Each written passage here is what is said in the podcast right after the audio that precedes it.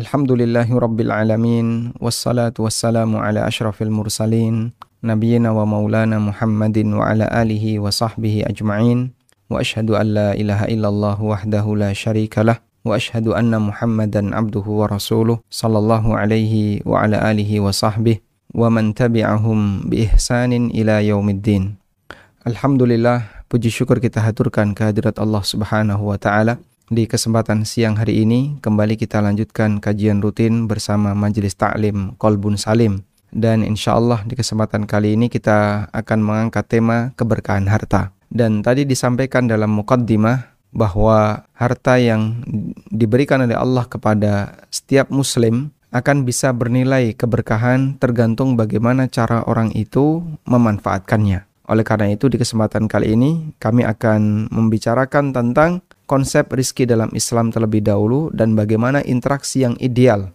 antara seorang mukmin dengan hartanya. Baik.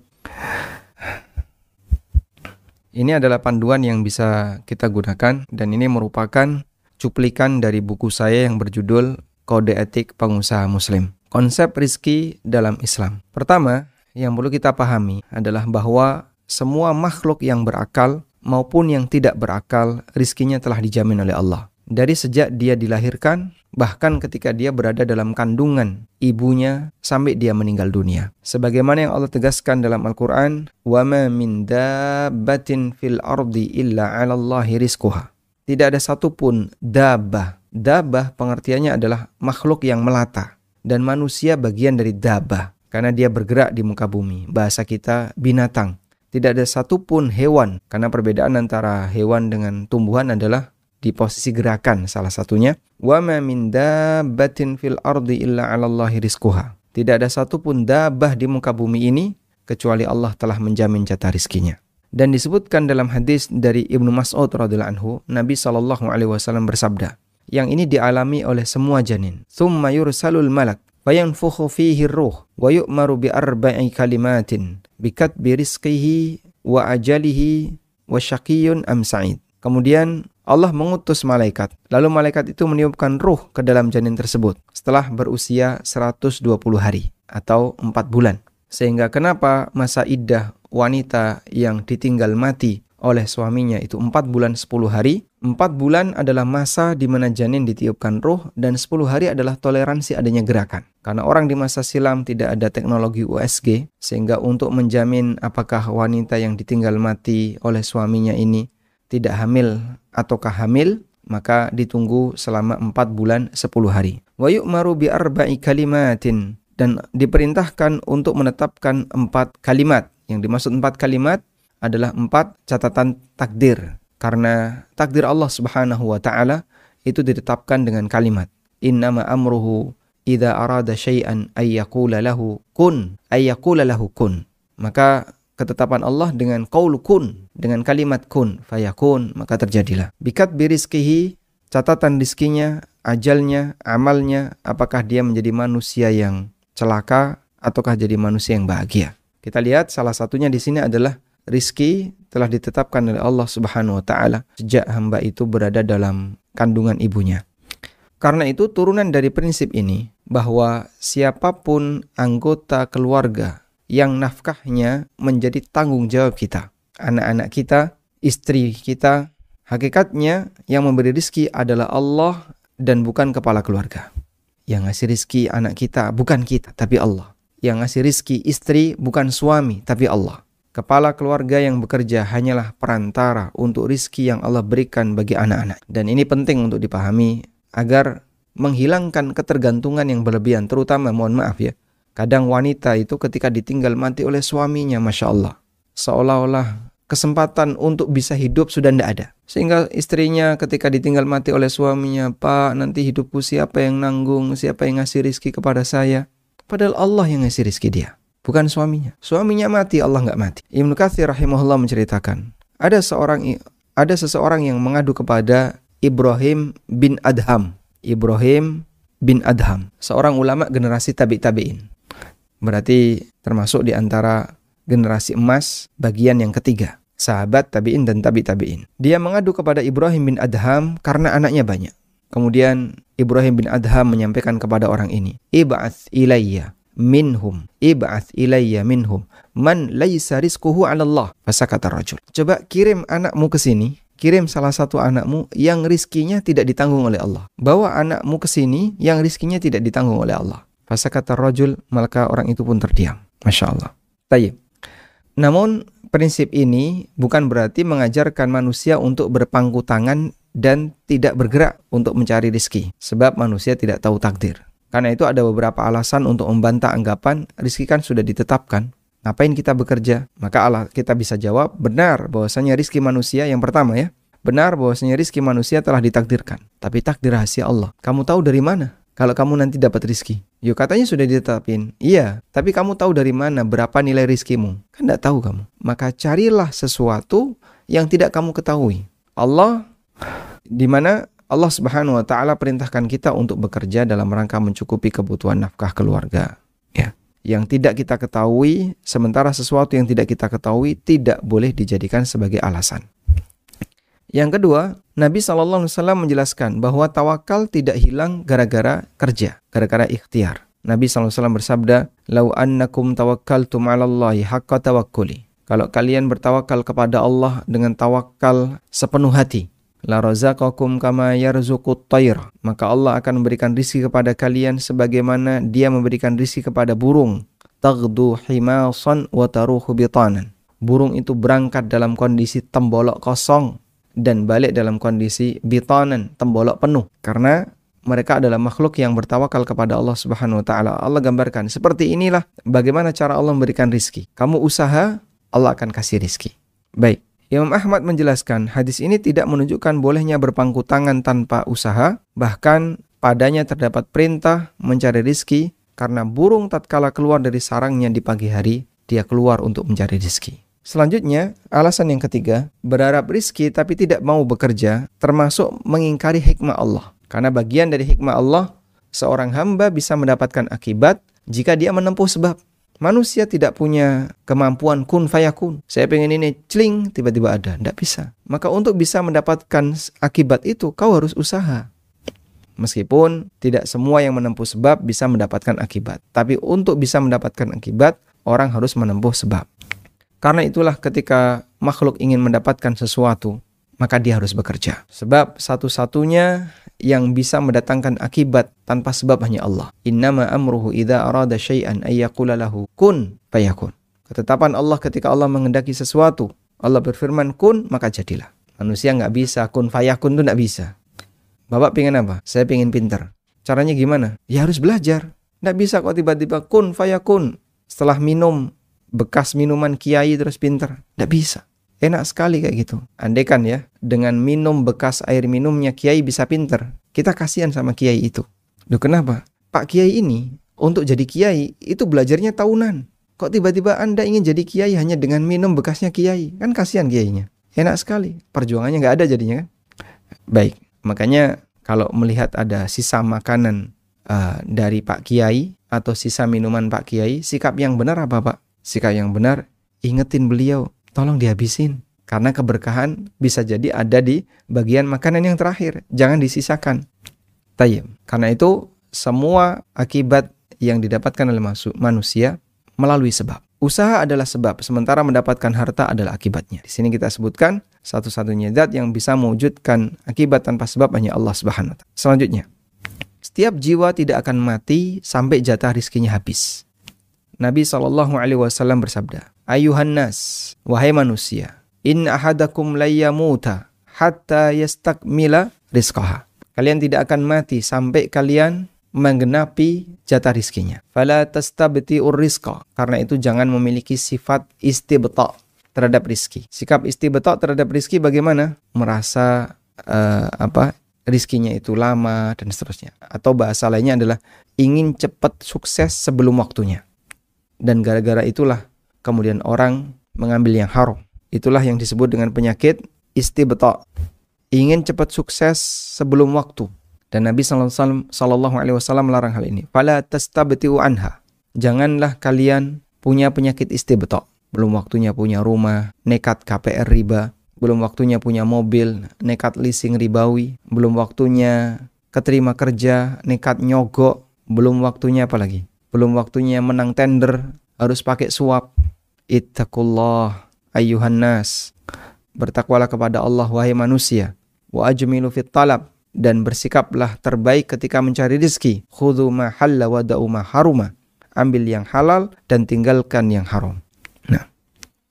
Sehingga prinsip ini memberikan pelajaran bagi kita. Yang pertama, siapa pun yang hidup pasti diberi jatah rizki oleh Allah sampai dia mati.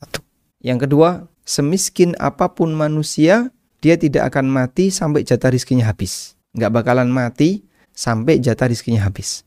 Yang ketiga, sebanyak apa pun penghasilan manusia, dia tidak akan mampu melampaui jatah rizkinya. Karena orang tidak bakalan mati sampai dia menggenapkan jatah rizkinya. Berarti kan jatah rizkinya itu sudah ada takarannya. Berarti sekaya apa pun manusia nggak bakalan lebih dari jatah rizkinya. Nah, di sini ada dua prinsip yang saling berhubungan ya. Semiskin apa pun manusia tidak akan mati sampai jatah rizkinya habis. Sekaya apa pun manusia, dia tidak akan mampu melampaui jatah rizkinya. Contohnya gimana, Pak? Contoh ya. Ada orang yang penghasilannya banyak, tapi kemudian dia tidak bisa menikmati semuanya. Kenapa? Mungkin ada banyak pantangan, nggak boleh makan ini, nggak boleh makan ini, nggak boleh makan ini. Maka dia memiliki jatah rizkinya banyak, tapi dia nggak bisa menikmati. Dia memiliki pendapatannya besar, tapi dia tidak bisa menikmati. Maka di posisi itu sebenarnya dia tidak bisa uh, tidak memiliki jatah rizki tersebut, meskipun itu pendapatannya. Karena itu bedakan antara uh, memiliki dengan jatah rizki. Itu dua hal yang berbeda. Bisa jadi kita memiliki tapi belum tentu itu jatah rizki. Ada banyak orang Jakarta yang punya villa di Bogor, tapi yang menikmati Pak Bon, tukang kebun. Dia mungkin sebulan sekali datang ke situ.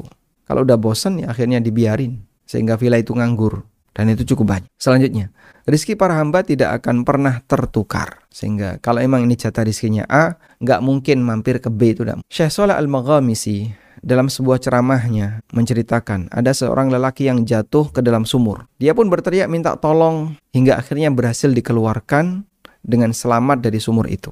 Kemudian setelah dia keluar, dia ditenangkan, dikasih air minum. Segelas susu untuk diminum, untuk menenangkan dirinya. Sudah? Setelah dia tenang dan dia sudah minum air eh, segelas susu tadi, ada orang yang bertanya, bagaimana kok bisa Anda jatuh ke dalam sumur ini? Mulai, mulailah orang itu bercerita, lalu dia berdiri, memperagakan yang tadi, terus jatuh yang kedua. Ketika dia jatuh yang kedua, dia mati.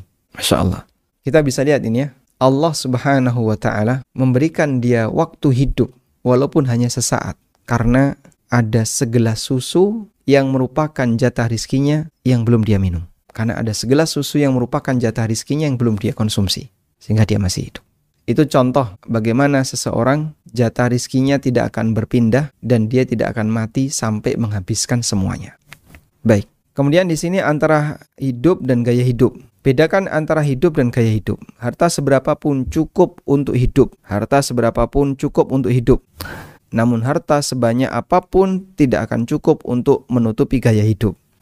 Sehingga rizki yang diberikan oleh Allah, meskipun hanya sedikit, dalam posisi orang yang paling miskin di muka bumi ini. Selama dia menggunakan rezeki itu dia akan hidup. Makanya seberapapun harta akan cukup untuk hidup, tapi sebanyak apa pun harta tidak akan cukup untuk menutupi gaya hidup. Selanjutnya, waspadalah penyakit istibto yang tadi sudah kita singgung ya. Apa itu? Ingin cepat sukses sebelum waktunya. Nah, ini beberapa contoh belum waktunya memiliki kendaraan, nekat leasing riba, belum waktunya punya rumah, nekat KPR riba, dan seterusnya. Sehingga ketika orang ingin cepat memiliki dunia sebelum waktunya, akhirnya dia melanggar syariat. Kalaupun dia tunggu, semua jatah rizkinya pasti akan datang kepadanya. Baik, sekarang kita akan lihat hakikat dari rizki. Hakikat dari rizki manusia itu ada dua. Ada hakikat kauni dan ada hakikat rizki syar'i.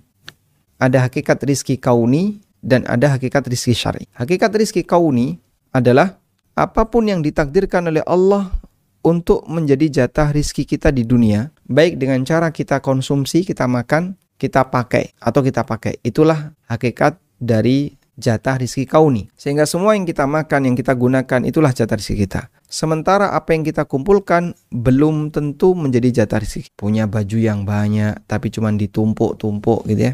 Nggak dimanfaatin, maka hakikatnya itu belum menjadi jatah rezeki kita. Karena tidak semua hasil yang kita kumpulkan kita akan mengkonsumsinya atau kita akan menggunakannya.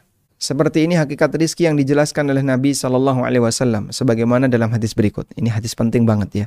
Saya sering jadikan hadis ini sebagai motivasi bagi kaum muslimin. Coba lihat dan ukur kira-kira kondisi hidup Anda dengan penghasilan yang Allah berikan dan harta yang Allah berikan. Abdullah bin Sikhir radhiyallahu anhu pernah mendengar Nabi Shallallahu alaihi wasallam membaca surat At-Takatsur.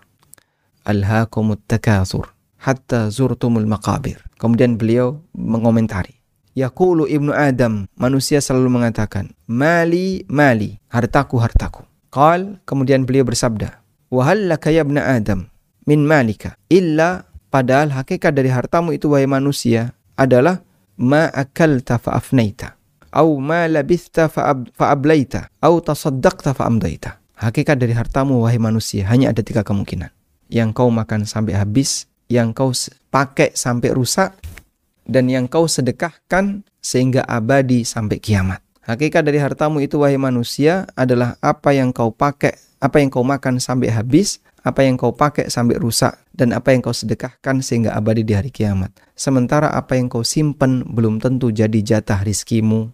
Insya Allah bisa dipahami ya. Jadi kalau misalnya ada di antara jamaah atau di antara kita yang beli perabotan, koleksi, koleksi, koleksi, sehingga piring di rumah numpuk banyak sekali, gelas numpuk banyak sekali, aneka tupperware banyak sekali, dan itu tidak kita manfaatkan. Maka hakikatnya itu adalah belum menjadi jatah rezeki kita. Tapi pan, itu ke kita yang punya, betul.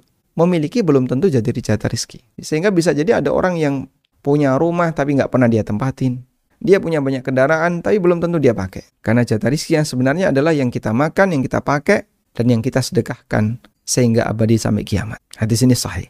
Dari sinilah kita bisa memahami, sekaya apa pun manusia, sebanyak apa pun penghasilannya, dia tidak akan mampu melampaui jatah rizkinya. Ada orang punya 10 rumah, tapi semuanya nganggur. Kan tidak mungkin ya. Kepalanya tidur di rumah sebelah sana, kakinya tidur di rumah sebelah sini, tangannya yang sebelah kanan, tangan kirinya sebelah kiri. Kan tidak mungkin. Dia hanya akan menempati satu ruangan di salah satu rumahnya. Orang yang punya satu ton beras, dia hanya akan makan sepiring saja. Orang yang punya 100 mobil, dia hanya akan pakai satu mobil saja. Orang yang memiliki 100 rumah, dia hanya akan menempati satu ruangan saja dan demikian seterusnya. Baik, di situlah kita bisa lihat banyak orang yang hanya ngumpulin tapi tidak bisa memanfaatkan. Nah, sekarang Anda bisa lihat ini ya. Di antara hukuman yang diberikan oleh Allah Subhanahu wa taala terhadap rizki yang haram adalah Allah binasakan rizki itu. Allah berfirman, "Yamhaqullahu riba wa yurbis sadaqat." Allah membinasakan riba dan mengembangkan sedekah. Yamhaqullahu riba wa yurbis sadaqat. Sehingga di antara hukuman untuk pemilik harta haram, harta haram dihukum dengan cara dibinasakan. Di antara dalilnya tadi adalah surat Al-Baqarah ayat berapa itu, Bang? Yamhaqullahu riba wa yurbis sadaqat 276 276. Sekarang apa makna dibinasakan itu? Coba kita lihat tafsir yang disampaikan oleh Al-Hafidh Ibnu Katsir. Yamhaqullahu riba, Allah membinasakan riba. Wa yurbis sadaqat dan Allah mengembangkan sedekah. Apa yang dimaksud dengan Allah binasakan? yukhbirullahu ta'ala annahu yamhakur riba. Allah menyebutkan bahwa Allah membinasakan riba. Ayyudhibuhu. Artinya Allah akan hilangkan. Imma bi ayyudhibahu bil kulliyah min yadi sahibihi. Bisa dengan cara Allah hilangkan 100% dari tangan pemiliknya. Au yuharrimuhu barakata malihi fala yantafi'u bihi. Atau Allah haramkan dia untuk mendapatkan keberkahan dari hartanya sehingga dia nggak bisa memanfaatkannya. Bal yu'adzibuhu bihi fid dunya wa yu'aqibuhu bihi yaumal qiyamah. Allah hukum dia ketika di dunia dan Allah hukum dia ketika di hari kiamat. Nah, sehingga coba kita lihat di sini makna harta yang dibinasakan kata Al-Hafidz Ibnu Katsir ada dua. Yang pertama, Allah hilangkan fisiknya. Allah hilangkan fisiknya. Yang kedua, Allah cabut keberkahannya sehingga dia tidak bisa menikmati harta itu fala yantafi'u sehingga dia tidak bisa menikmatinya. Sebagai contoh gimana, Pak? Hukuman pertama yang bisa kita saksikan ya. Contoh hukuman harta haram. Di antara contoh yang bisa kita saksikan, Allah buat pemiliknya ketakutan. Pemiliknya ketakutan untuk menikmati. Baik. Sehingga kita bisa lihat, mereka yang bawa harta haram itu disembunyiin ya. Dia punya tanah di sana, punya simpanan di sini, punya ini. Disembunyiin. Beli tanah ini pakai atas nama tetangganya, beli mobil pakai atas nama ini, atas nama ini, atas nama ini. Dan itu hukuman pertama yang diberikan oleh Allah. Dia ketakutan untuk uh, menampakkan harta itu. Apalagi sekarang ya, sedang gencar-gencarnya beberapa pejabat atau ASN yang pamer harta dia di posisi apa? Oh, eselon. Udah, terus dapat apa? Dapat ini. Tapi kok tiba-tiba dia punya ini, punya ini, punya ini. Begitu dipamerin, nah sekarang audit, audit, audit. Orang ketakutan di situ. Pertama yang beri, Allah berikan sebagai bentuk hukuman bagi orang yang memegang harta haram adalah dia ketakutan. Sehingga ada yang disembunyiin, ada yang atas nama ini, atas nama ini. Itu banyak sekali. Ini yang sering saya jadikan sebagai contoh. Ada salah satu teman ya, beliau teman kajian, tapi hobi main badminton. Nah, beliau ini punya komunitas badminton. Nah, di antara komunitasnya itu adalah kepala dinas yang ada di provinsi tertentu.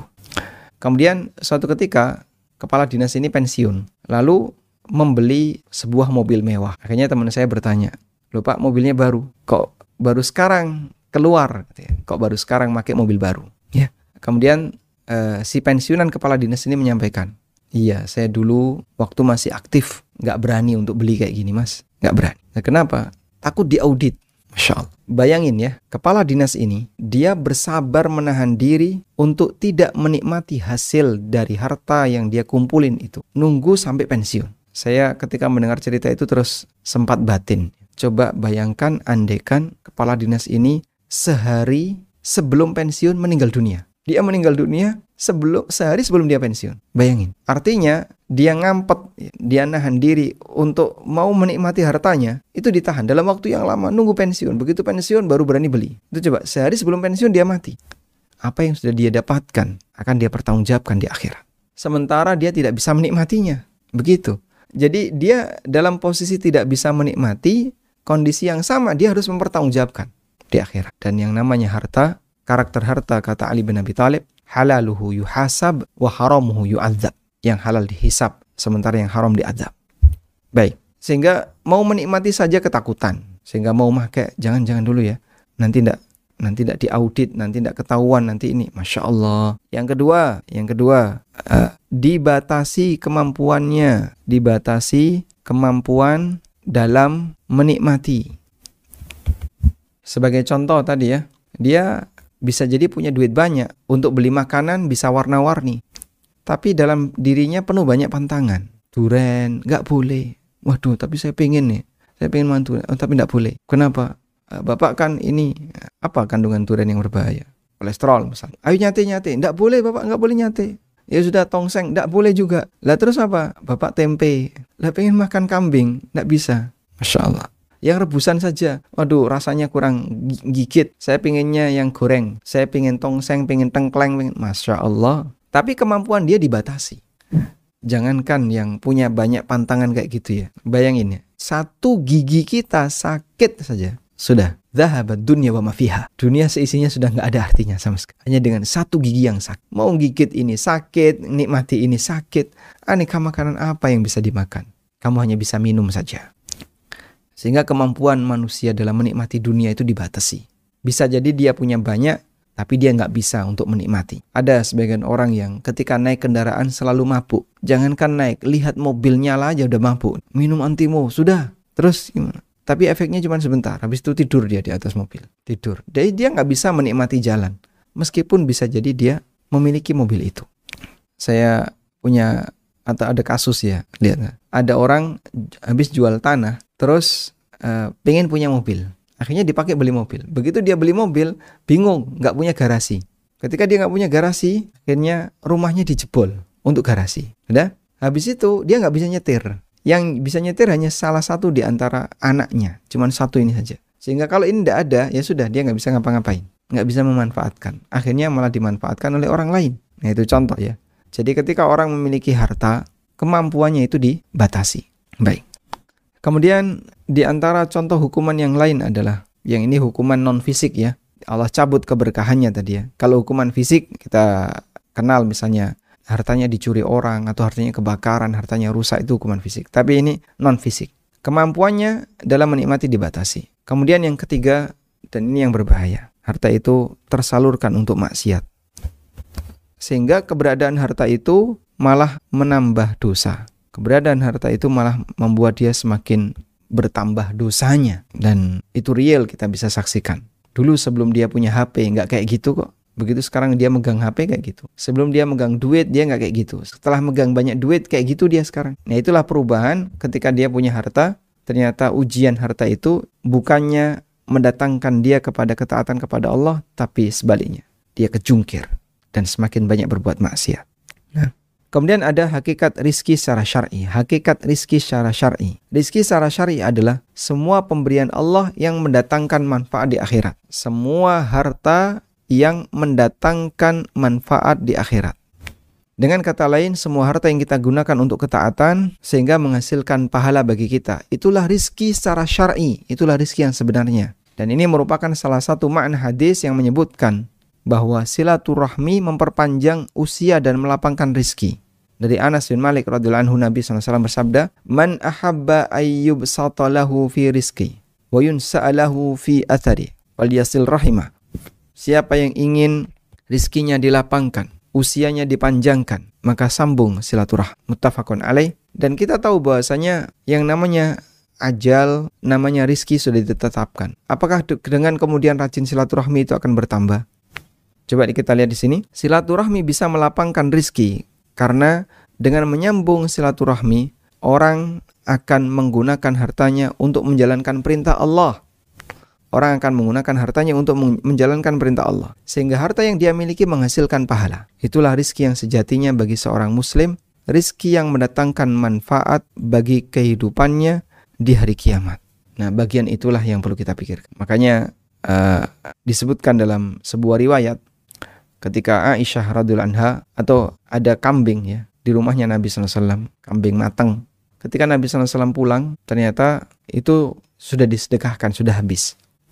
Tinggal sedikit yang ada di rumah. Maka saat Nabi SAW pulang dan minta kambing itu, Aisyah menyampaikan, kami sudah sedekahkan sebagian besar, tinggal sedikit. Maka Rasulullah SAW mengatakan, apa yang kau sedekahkan itulah rizki kita. Karena itu akan abadi sampai kiamat. Sedangkan apa yang kita makan saat ini nanti akan habis. Karena itu semua modal yang kita keluarkan untuk menjalankan ketaatan kepada Allah, semua modal yang kita keluarkan untuk menjalankan ketaatan kepada Allah, itulah rizki kita yang sebenarnya. Rizki yang mendatangkan pahala di akhirat. Masya Allah. Sehingga nggak semua rizki bisa menghasilkan manfaat seperti ini ketika seorang hamba berinteraksi dengannya. Nah, baik. Sekarang kita lihat halal plus. Halal plus artinya ada rizki yang halalnya itu paling tinggi derajatnya. Sehingga harta halal itu tidak satu tingkatan. Ada harta halal yang sangat bermartabat, yang tinggi martabatnya, dan ada harta halal yang kurang martabat. Ya. Berikut dalilnya ya. Nabi SAW pernah bersabda, Ya Rasulullah ayul kasbi atyab. Ya Rasulullah, pendapatan apakah yang paling baik? Kemudian jawab Nabi SAW, Amalur rajul biyadihi wa kullu bay'in mabrur. Pendapatan yang paling baik adalah jasa yang hasil dari jerih payah seseorang dan semua transaksi yang mabrur. Hadis riwayat Ahmad. Kemudian Nabi Shallallahu Alaihi Wasallam juga memuji penghasilan orang yang jerih payahnya untuk harta yang halal. Dari Miqdam radhiyallahu anhu Rasulullah SAW bersabda, "Ma'akala ahadun ta'aman qat khairam min ayyakula min amali yadi." Tidak ada harta yang paling bagus yang dimakan oleh seseorang melebihi bagusnya harta yang dia dapatkan dari kerja tangannya. Dan sesungguhnya Nabiullah Dawud alaihissalam karena yakulu min amal yadi. Beliau makan dari hasil kerja tangannya. Sehingga beliau tidak minta upeti, beliau tidak minta pemberian dari rakyat, tapi beliau sendiri yang bekerja. Wallahu alam. Kemudian dalam riwayat yang lain Nabi saw memuji harta yang baik karena digunakan untuk kebaikan dan beliau sebut sebagai harta yang soleh. Harta yang soleh. Beliau pernah memberikan jatah ghanimah rampasan perang kepada sahabat Amr bin As radhiyallahu anhu, namun sahabat Amr menolak dan mengatakan ya Rasulullah, inni dakhaltu fil Islam la li ajli hada. ya Rasulullah, aku masuk Islam bukan karena tujuan ini, bukan karena tujuan nyari harta.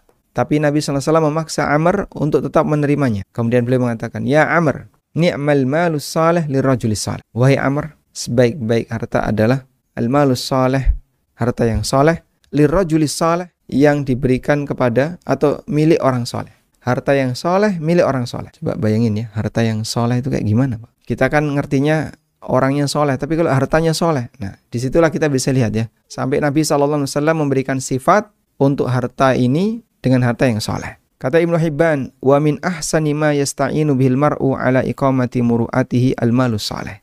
Di antara media terbaik yang bisa digunakan seseorang untuk menjaga wibawanya adalah harta yang soleh. Sebaliknya ada harta halal tapi kurang bermartabat meskipun halal.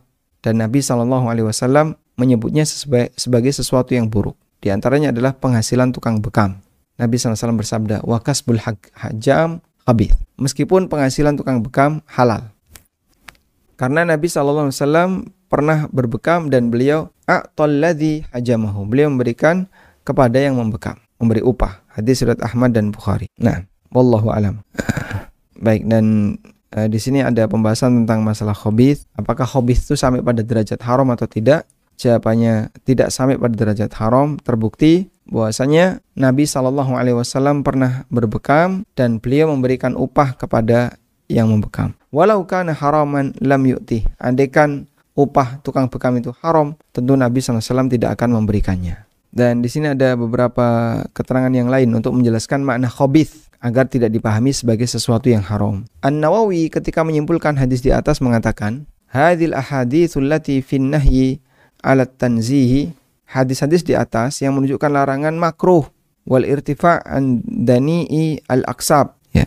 dan motivasi atau menghindari uh, kerja akhlak yang mulia wal hathi ala makarimil akhlak wa ma'alil umur dan dorongan ya, motivasi untuk menjaga kemuliaan akhlak wa ma'alil umur dan menjaga martabat wallahu alam baik semoga bisa dipahami ya berkaitan dengan masalah rezeki yang yang tayyib dan yang tidak tayyib Lalu ada orang yang bekerja untuk status sosial. Jadi dia berjuang, pokoknya saya harus jadi ASN, jadi aparat. Perjuangan itu luar biasa. Tapi dalam bayangan dirinya, nanti kalau kamu jadi itu, keluargamu akan terangkat. Keluargamu akan terangkat wibawanya. Jadi dia bekerja untuk mencari status sosial. Suatu ketika Nabi SAW memuji orang yang bekerja untuk mencari nafkah bagi diri dan keluarganya. Sehingga dia tidak menggantungkan diri kepada orang lain. Dia tidak menggantungkan diri kepada orang lain. Berbeda dengan orang yang bekerja, namun motivasinya hanya untuk mengejar status sosial. Nabi Shallallahu Alaihi Wasallam menyebutnya sebagai jalan setan. Kaab bin Ujrah bercerita, suatu hari Nabi Shallallahu Alaihi Wasallam dan para sahabat melihat ada orang yang kerjanya sangat tekun.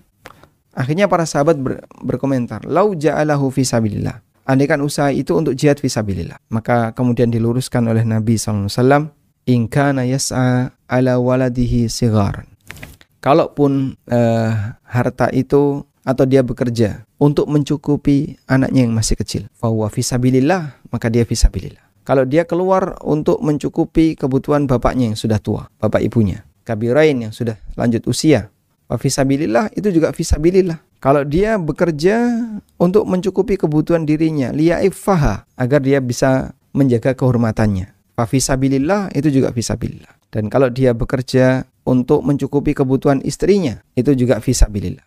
Coba bagian yang terakhir ya. Bagian yang terakhir. Wa in kana kharaja yas'a tafakhuran wa takatsura fa fi syaitan. Kalau dia bekerja tapi tujuannya adalah untuk riak, untuk sum'ah, untuk dipamerkan dan untuk berlomba jumlahnya. Wa takatsuran. Siapa yang bekerja untuk kebanggaan, wa takatsuran dan untuk kebanggaan. Fa fi syaitan, maka dia di jalan setan. Dan kepentingan itu kita adalah dari kalimat ini ya. Wa in kana kharaja yas'a tafakhura. Kalau dia keluar bekerja, kalau dia melakukan kerja tapi uh, apa? Dia untuk mencari status sosial. Maka hakikatnya fafisa bil syaitan, dia di jalan setan. Saya menemukan kasus seperti ini. Jadi ada orang yang anak orang kaya ditawari kalau kamu masuk ya masuk jadi ASN maka di samping ditawari hadiah juga dia main sogok Sampai akhirnya dia berhasil. Padahal orang tuanya punya toko besar. Sehingga dia kalaupun nggak kerja, dengan hanya mengandalkan toko ini sudah cukup. Tapi karena ad, harus ada atau dia pingin punya kebanggaan dalam keluarga, akhirnya nekat jadi ASN. Ya, tapi melalui jalur yang nggak normal. Wallahu alam. Baik. Dan itulah bentuk bekerja tafakhuran wa takathuran fi sabilillah. Fi sabili syaitan. Bekerja untuk cari status sosial. Hakikatnya itu adalah bekerja di jalan setan. Wallahu alam. Baik, semoga bisa dipahami dengan maksimal. Mungkin itu yang bisa kita sampaikan sebagai pengantar. Semoga bermanfaat. Wassalamualaikum Alhamdulillahirrabbilalamin. Terima kasih. Jazakallah khairan untuk paparannya. Ada pertanyaan? Izin bertanya Ustadz. Apakah bila suami dan istri bekerja dengan begitu dalam keluarga itu rezekinya bertambah? Ada seorang dokter ya, pernah datang ke kantor. Waktu itu saya masih di UFIT, di UFIT TV. Terus dokter ini curhat masalah utang di bank yang dia lakukan. Dan istrinya juga dokter. Terus saya tanya, ibu bekerja nggak? Nah beliau bilang gini, bagi saya mau yang kerja satu orang maupun dua orang nggak bakalan nambahi rizki keluarga saya. Masya Allah, saya langsung tersentak. Iya betul itu kalimat itu.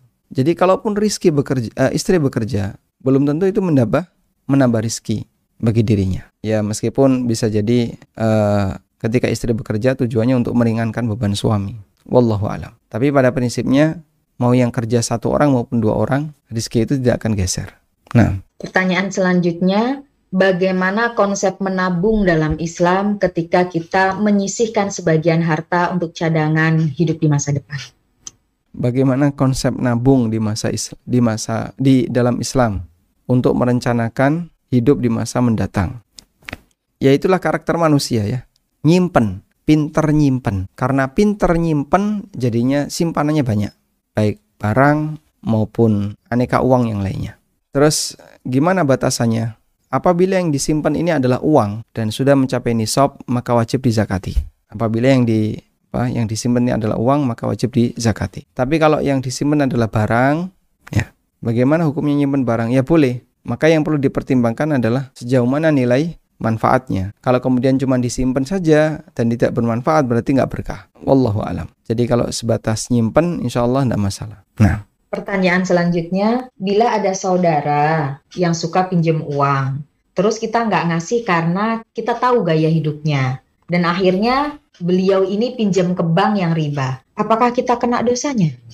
Setahu saya tidak, karena kita tidak bertanggung jawab terhadap kesalahan orang lain, dan kita juga punya hak untuk tidak memberikan utang kepada orang lain sesuai dengan hasil penilaian kita kepada dia. Nah, kayaknya orang ini nggak cocok untuk dikasih utang. Terus Anda nggak ngasih utang, sah-sah saja. Itu hak pemilik uang. Dan oleh karena itu Anda tidak menanggung resiko dosa terhadap kesalahan yang dia lakukan. Wallahu alam. Ya.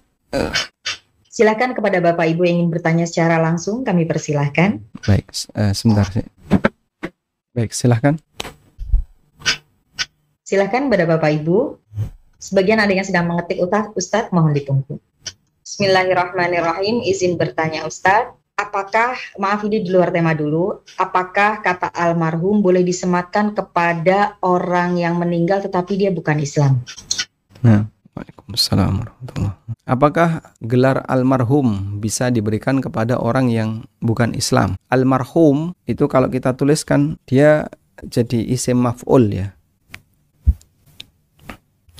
Almarhum itu dari kata rahimah. Dia berasal dari kata rahimah yang artinya menyayangi. Almarhum berarti disayang. Dan orang yang mendapatkan rahmat dari Allah Subhanahu wa taala ketika dia mati hanyalah orang mukmin. Sementara orang kafir dia tidak mendapatkan. Makanya Allah Subhanahu wa taala melarang apabila ada non muslim yang mati, jika ada non muslim yang mati, dilarang untuk didoakan. Allah Subhanahu wa taala berfirman, "Maka nalin nabi astaghfirul ay astaghfirul musyrikin walau kanu uli kurba." Di surat At-Taubah ayat 113, Allah berfirman, "Ma kana lin nabiyyi wal ladzina amanu ay yastaghfiru lil musyrikin walau kanu uli kurba min ba'di ma tabayyana lahum annahum ashabul jahim." Tidak boleh bagi nabi dan orang-orang yang beriman ayastaghfiru lil musyrikin untuk memintakan ampunan bagi orang-orang musyrik. Walau kanu uli kurba meskipun mereka ini kerabat. Mim ba'di ma tabayyana lahum setelah jelas bagi mereka annahum ashabul jahim kalau mereka adalah penduduk jahim penduduk neraka yaitu orang musyrik yang mati dalam kondisi syirik. Sehingga dalam posisi ini Nabi SAW dan orang beriman dilarang untuk mendoakan non muslim yang telah mati. Dan almarhum itu mengandung doa. Sehingga almarhum fulan, almarhum Ahmad. Maka maknanya adalah Ahmad semoga dirahmati atau maknanya Ahmad dirahmati atau maknanya Ahmad dirahmati. Kalau ini doa sedangkan yang ini berita. Dan bagi non muslim dua-duanya keliru karena non muslim ketika mati disebut ashabul jahim dan mereka tidak boleh didoakan. Karena itu almarhum untuk non muslim tidak boleh. Ya sebut namanya saja atau jenazah juga boleh. Jenazah siapa? Wallahu alam. Bismillahirrahmanirrahim. Pertanyaan selanjutnya. Apakah jika istri bekerja, maka suami dibebaskan dari menafkahi istri secara suami sudah menanggung semua biaya rumah tangga? Secara gimana tadi? Apakah jika istri bekerja? Apakah jika istri bekerja, suami dibebaskan dari menanggung menafkahi istri? Dibebaskan.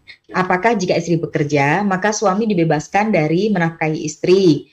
Karena suami itu sudah menanggung semua biaya rumah tangga menanggung biaya rumah tangga itu kan nafkah. Sehingga semua kebutuhan rumah ini suami yang nanggung itu nafkah.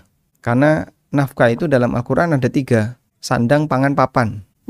Untuk yang uh, apa sandang dan pangan Allah Subhanahu wa taala berfirman wa 'alal mauludi lahu rizquhunna wa kiswatuhunna bil ma'ruf. Bagi bapak yang punya anak dia wajib memberikan rizki dan pakaian kepada istrinya bil ma'ruf dengan cara yang wajar. Untuk papan untuk tempat tinggal Allah berfirman askinuhunna min haitsu sakantum min wujidikum berikan tempat tinggal kepada mereka min haitsu sakantum sesuai dengan tempat tinggal kalian min wujidikum dari kemampuan kalian sehingga Allah Subhanahu wa taala sebutkan dalam ayat ini bahwa orang tersebut ketika memiliki uh, suami berkewajiban untuk menyediakan tempat tinggal kepada istrinya. Nah, kalau itu semua sudah diberikan oleh suaminya, berarti suaminya sudah memberikan nafkah. Maka kita tidak sebut suami bebas nafkah, tidak. Karena sudah diberikan oleh, karena semua kebutuhan istrinya sudah dicukupi oleh suaminya.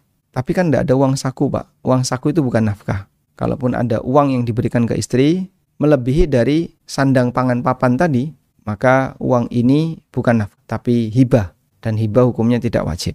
Begitu? Namun kalau ditambahkan begini ya, apakah suami gugur memberi nafkah ketika istri bekerja? ulama memberikan rincian. Saya ada buku yang sedang saya tulis tapi uh, semoga Allah mudahkan untuk bisa diselesaikan. Judulnya Halal Haram Harta Keluarga. Udah lama sekali nulis. Cuman karena uh, kesempatan tidak seperti dulu waktu pandemi, jadi qadarullah lama nggak selesai-selesai. Berkaitan dengan nafkah istri yang bekerja. Nah, para ulama memberikan rincian. Satu, istri tidak mendapatkan izin untuk bekerja. Istri tidak dapat izin untuk kerja. Sehingga dia kerja, suaminya nggak ridho sebenarnya. Saya keberatan, suaminya keberatan. Cuman karena istrinya pingin punya uang sendiri, maka dia tetap bekerja. Yang seperti ini masuk kategori istri nusyuz.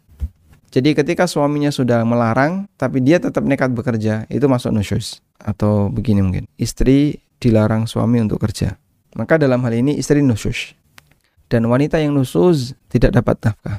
Yang kedua, istri tidak dilarang tapi tidak dapat izin dari suami. Bedanya apa dengan yang pertama? Kalau yang pertama dilarang, saya nggak mau, nggak boleh, nggak boleh. Pokoknya kamu kerja nggak, jangan boleh, jangan. Kalau yang kedua, ya kalau kamu bekerja ya terserah kamu, tapi nggak didukung oleh suaminya. Maka di situ uh, istri tidak dapat nafkah.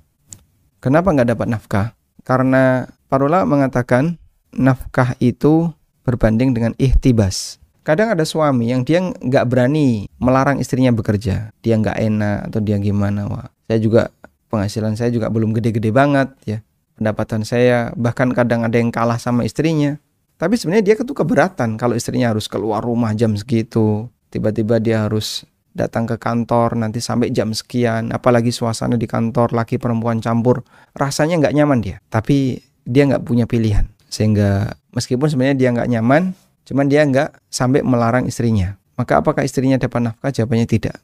Kenapa? Karena hak ihtibasnya hilang. Hak ihtibas hilang itu hak suami menahan istri untuk tetap di rumah. Nah, di saat istri sudah tidak apa istri sudah tidak menghiraukan bagian itu, maka istri tidak dapat nafkah. Yang ketiga, istri sudah dapat izin suami untuk kerja sehingga hak ihtibasnya sudah direlakan. Berarti dalam hal ini suami merelakan hak ihtibas. Ya sudah, uh, kamu bekerja nggak apa-apa, ya diizinkan sama suaminya ya. Uh, yang penting pokoknya jam sekian pulang ya di rumah jam sekian malam sudah pulang. Ya sebagaimana kebiasaan orang ketika kerja. Dan suami ridho dengan ini maka istri tetap dapat nafkah. Wajib dinafkahi. Terus duit istri untuk apa pak? Ya untuk dia sendiri. Terserah dia. Karena itu adalah hasil dari kerja dia sehingga itu hak miliknya. Dan suami tidak punya hak kecuali jika diberikan oleh istrinya. Wallahu alam. Alhamdulillahirrahmanirrahim. Pertanyaan selanjutnya, izin bertanya, jika kita mengangkat anak asuh, yaitu membiayai pendidikan, bisa masuk di dalam kategori zakat mal atau infak atau sedekah, Ustaz? Maksudnya gimana? Membiayai uh, biayanya. Pembiayaannya oh. apakah bisa pakai dengan uang zakat mal kita gitu terhitungnya atau masuk ya. dalam kategori infak atau masuk sedekah? Waalaikumsalam warahmatullahi kalau anak asuh ini miskin, maka bisa masuk dalam kategori zakat. Tapi kalau anak asuh ini uh, bukan orang miskin, ya misalnya ada orang ber, berkecukupan, cuman anaknya banyak gitu. Terus kita ingin mengambil satu untuk diasuh atau kita taruh di pondok biar saja yang membiayai kamu atau karena dia keponakan dan seterusnya. Yaitu tidak bisa kita sebut sebagai zakat karena zakat tidak boleh untuk selain orang miskin dan delapan asnaf yang lain maka bisa kita sebut sebagai donasi biasa, infak atau sedekah. Wallahu alam. Bagaimana bila saya membeli rumah dengan KPR karena saat itu saya harus keluar rumah dari orang tua sebab rumah orang tua sudah menjadi harta waris? Ya, seharusnya tidak dilakukan KPR. Terus gimana, Pak? Kontrak. Sabar jadi kontraktor. Lebih baik Anda tidur beratapkan rumah kontrakan tapi tanpa melalui akad riba daripada tidur di bawah rumah yang didapatkan dengan cara melanggar dosa riba. Sehingga sabar dulu, silakan kontrak. Semoga nanti Allah Subhanahu wa taala berikan kelonggaran rizki sehingga Anda bisa mendapatkan rumah. Wallahu alam. Pertanyaan selanjutnya, apakah jika seorang suami yang sangat memilih pekerjaannya karena kehalalannya dari sisi kehalalannya, jadi dia milih-milih pekerjaan, menjadikan seorang suami minim penghasilan, kemudian hidup ditopang dari kerja keras istri. Apakah rezeki itu juga bisa dinamakan berkah? Berkah itu tidak dilihat dari jumlah. Kalau kita lihat ya, hartanya Nabi SAW yang ada di rumah beliau itu hampir tidak ada, sedikit sekali. Sehingga kalau disebut sampai Aisyah menceritakan, kadang tiga hari nggak masak. Kenapa? Nggak ada yang dimasak, nggak ada bahan yang dimasak. Coba bayangin ya, kalau kita tiga hari nggak masak. Kenapa kok tiga hari nggak masak? Gasnya habis dan susah nyari gas. Jawabannya itu. Terus punya nasi nggak? Punya, punya ini punya. Tapi nggak ada lauk yang dimasak. Akhirnya beli lauk. Itu kita. Tapi Aisyah radhiyallahu coba bayangin ya. Tidak ada sesuatu yang dimasak karena tidak ada bahan bakunya. Dan ini salah satu di antara contoh bagaimana kesederhanaan hidup Rasulullah Sallallahu Alaihi Wasallam sehingga sedikit harta beliau, sedikit dalam arti yang beliau simpan di dalam rumah hanya terbatas dan kadang habis. Tapi masya Allah harta beliau sangat berkah. Kenapa? Semuanya termanfaatkan. Tidak ada residunya, nggak ada sisanya. Makanya bicara masalah keberkahan itu tidak dilihat dari banyak dan sedikitnya harta, tapi dilihat bagaimana cara kita memanfaatkan harta dengan maksimal. Ya kalau dalam posisi tertentu misalnya seorang suami berusaha untuk membatasi diri hanya yang halal saja yang diterima, yang haram ditinggalkan. Akhirnya gimana? Mengingat beliau hidup di lingkungan yang banyak sekali haramnya, belok kanan nabrak, belok kiri nabrak. Ini ke mana-mana kok banyak sekali benturan haramnya. Bisa jadi pilihannya tinggal sangat sedikit pilihannya. Tapi ketika itu dijalani dengan tekun, dengan baik. Insya Allah ya harta yang sedikit ini bermanfaat. Ter termanfaatkan semuanya itulah berkah. Harta termanfaatkan semuanya itulah berkah. Tapi kadang istri kan tidak kuat. Masa hidup kayak gini terus sehingga suaminya malah banyak uh, mengandalkan penghasilan istri. Ya sudah kalau begitu gantikan ya. Kerjaan istri di rumah apa sih? Jualan itu, guys. Suaminya biar yang jualin. Istrinya bantu. Semoga jadi besar. Dan istri dukung suaminya untuk mencari yang halal. Ada salah satu wanita salaf yang ketika suaminya mau keluar rumah untuk kerja, dipeseni sama istrinya, sama wanita ini. Wahai suamiku, aku bisa bersabar untuk menahan lapar ketika kau pulang nggak membawa apa pun. Tapi aku tidak kuat untuk menahan panasnya neraka ketika kau bawa harta haram ke dalam rumahmu. Subhanallah. Kalau bisa seperti ini, Masya Allah ya. Jadi itu ngelerem batin suaminya sehingga suaminya tetap bisa menjaga apa wibawa dirinya yang di rumah menantikan sesuatu yang halal meskipun dia sedang memperjuangkan itu semampu yang bisa dilakukan. Wallahu alam. Pertanyaan selanjutnya, kalau ada pembantu di rumah kita, apakah kita boleh memberikan zakat mal kepada mereka?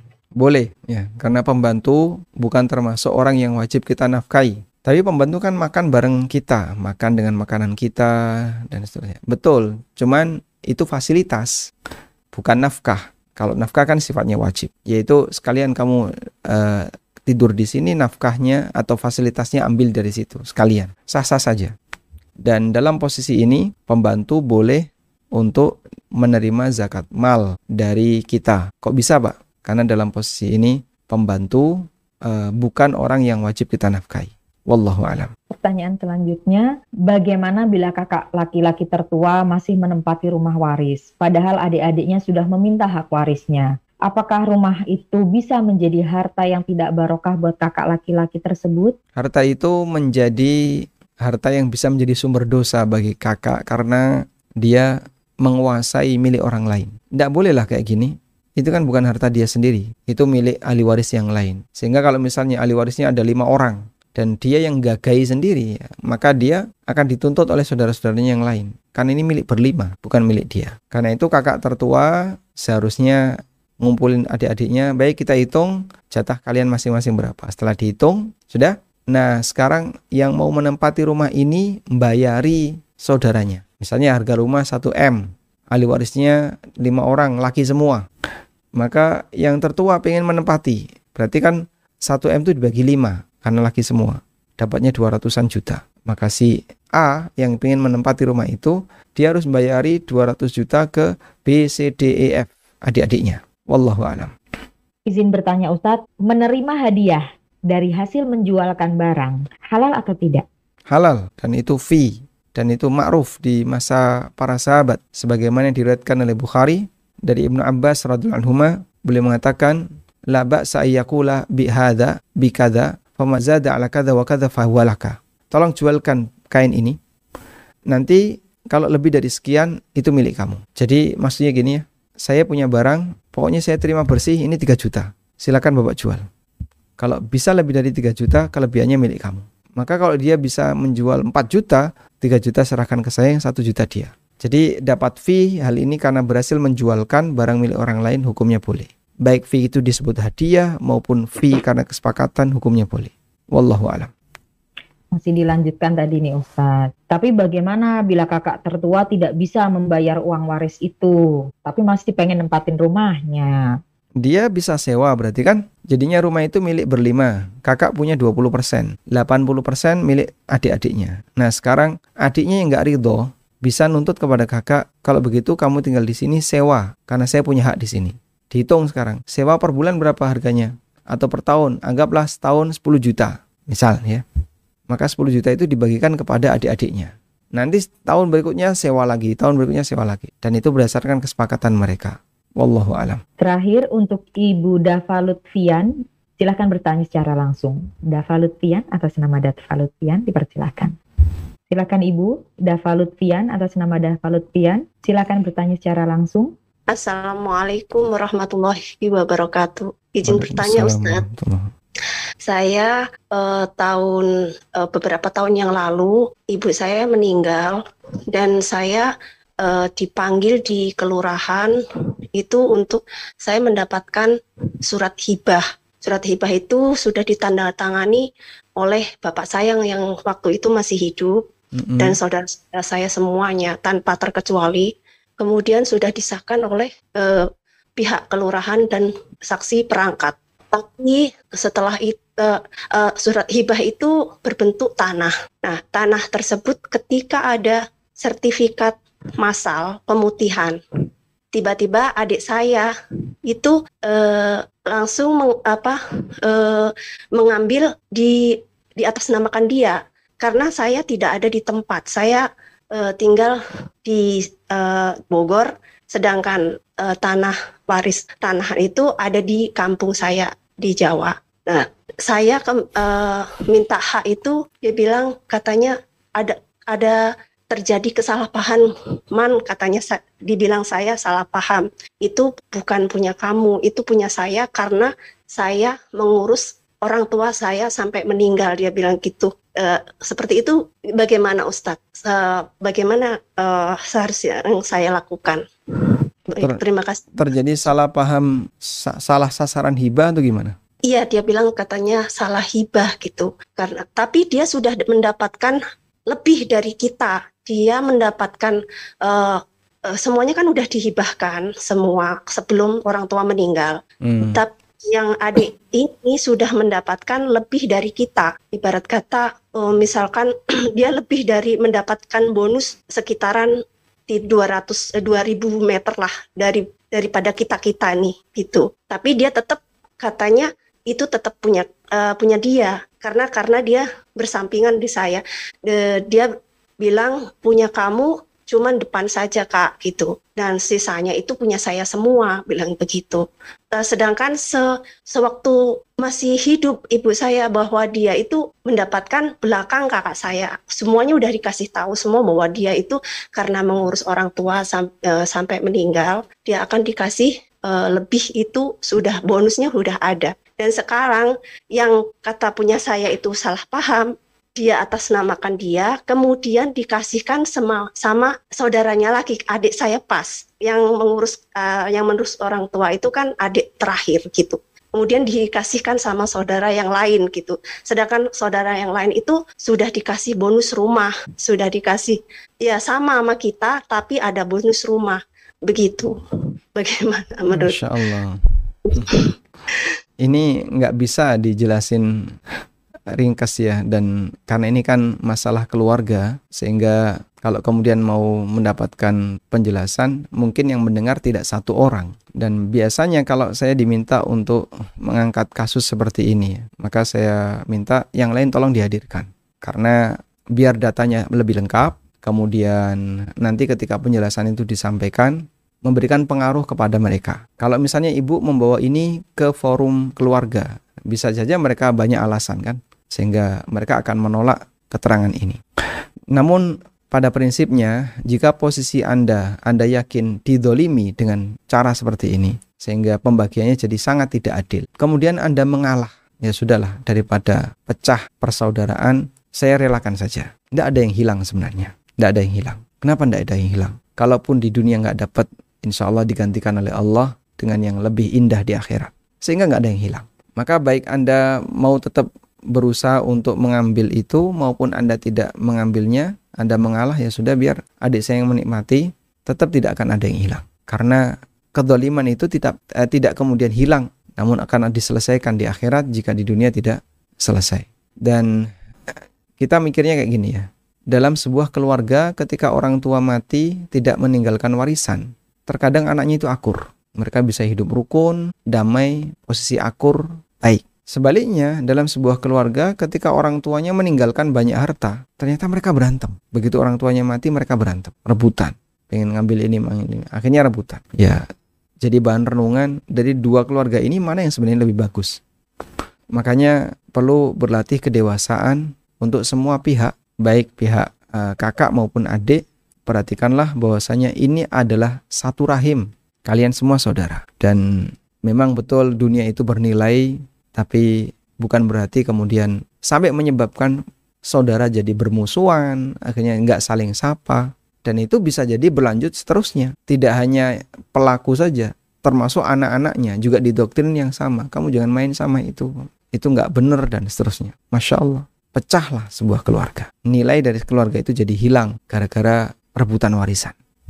Makanya edukasi penting harus diberikan oleh orang tua dan saya punya buku dengan judul Pengantar Ilmu Waris. Salah satu di antara manfaatnya itu, di antara tujuannya itu agar warisan itu jangan sampai punya potensi menjadi sumber perpecahan. Wallahu alam. Jadi uh, saya keberatan untuk menyampaikan jawaban detail terkait bagaimana cara yang benar karena ini kan baru informasi satu arah ya. Dan uh, pilihannya adalah kalau misalnya Anda mengalah, insya Allah itu yang terbaik. Toh warisan itu kan cuma harta nemu ya Kita nggak kerja apa-apa, nggak punya kiprah apa pun, terus tiba-tiba dikasih tanah itu kan harta nemu ibaratnya. Ya sudahlah dikasih sedikit, nggak apa-apa, cuma dikasih. Andai kan seperti itu Anda bisa, walhamdulillah. Wallahu a'lam. Baik, cukup? Ada satu pertanyaan lagi dan ada yang raise hand, tapi kami minta izin Ustadz apakah Ustaz masih bersedia atau bagaimana? Cukup. Uh, boleh satu pertanyaan lagi, Satu pertanyaan lagi ya. Bismillahirrahmanirrahim. Bagaimana harta yang sudah dihibahkan kedua orang tua, istri pertama ke semua anak kandungnya. Tapi di sisi lain, dari istri kedua, yang saat hibah terjadi, anak dari istri kedua tersebut kan belum lahir. Apakah semua semua hibah juga termasuk? Apakah kesemuanya itu juga termasuk untuk anak istri kedua, Ustadz? Pertanyaannya begini, anak dari istri pertama dan istri kedua itu anaknya siapa? anak dari lelaki ini. Lah ini semuanya kan anak kamu. Mau dari istri pertama maupun dari istri kedua semuanya adalah anak kamu. Kecuali kalau dari istri kedua tidak diakui. Nah, kadang yang keberatan anak dari istri yang pertama. Ndak, kami keberatan. Kenapa keberatan? Kami tidak mengakui anak dari istri yang kedua.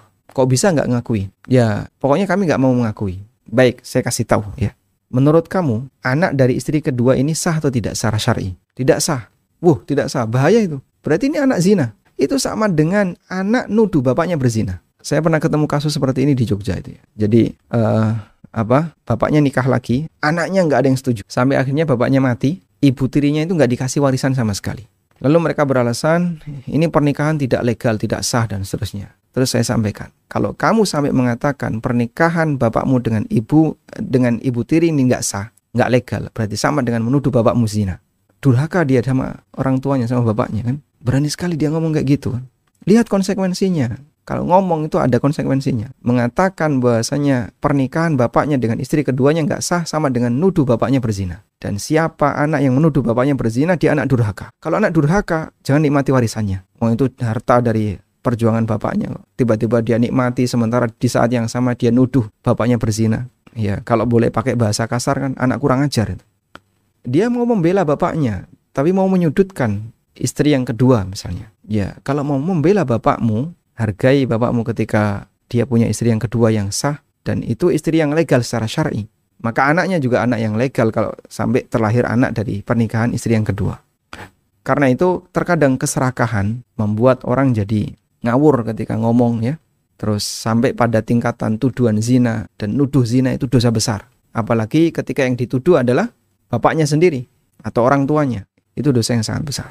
Sehingga hati-hati jangan sampai hanya gara-gara masalah harta sampai menimbulkan dosa yang jauh lebih besar dibandingkan uh, sebatas harta yang dia terima. Makanya Nabi SAW mengatakan seperti yang tadi kita sebutkan ya. Harta yang bermartabat itu bukan harta warisan. Sehingga beliau sebutkan tadi kan ketika ditanya, Ayul kasbi atyab, harta apakah yang paling tayyib, yang paling tinggi martabatnya? Kata beliau, amalur rajul biyadihi wa kullu bayin mabrur. Hasil kerja pribadi dan hasil keuntungan jual beli yang mabrur, bukan harta dari warisan. Warisan itu kamu nggak punya perjuangan, kau nggak punya peran. Itu kan cuma dikasih. Orang tuanya mati, dapat apa, dikasihkan ke anaknya. Tapi kayak gitu sampai menimbulkan banyak sekali perkara-perkara besar ya. Misalnya kayak tadi hibah, kamu cuma dikasih. Udah kalau dikasih itu nurut saja. Dan ini ada aturannya, hibah itu harus rata untuk semua anak. Makanya uh, perlu dihati-hati dan di buku saya pengantar ilmu waris itu mengajarkan tentang bagaimana sikap yang ideal ya terhadap masalah harta ketika seorang muslim berinteraksi dengan harta keluarganya. Termasuk bagaimana perpindahan harta dari ortu ke anak. Itu kan perlu dipahami agar orang bisa mendudukkan sesuai dengan posisi. Wallahu alam. Baik, mungkin demikian yang bisa kita bahas. Semoga Allah Subhanahu wa taala jadikan apa yang kita pelajari ini ilmu yang bermanfaat. Allahumma anfa'na bima 'allamtana wa 'allimna ma yanfa'una warzuqna ilma wa ala nabiyyina Muhammadin wa ala alihi wa sahbihi wa sallam. Wa akhiru da'wana alhamdulillahi rabbil alamin. Subhanakallahumma wa bihamdika. Asyhadu an la ilaha illa anta astaghfiruka wa atubu ilaik. Wassalamu alaikum warahmatullahi wabarakatuh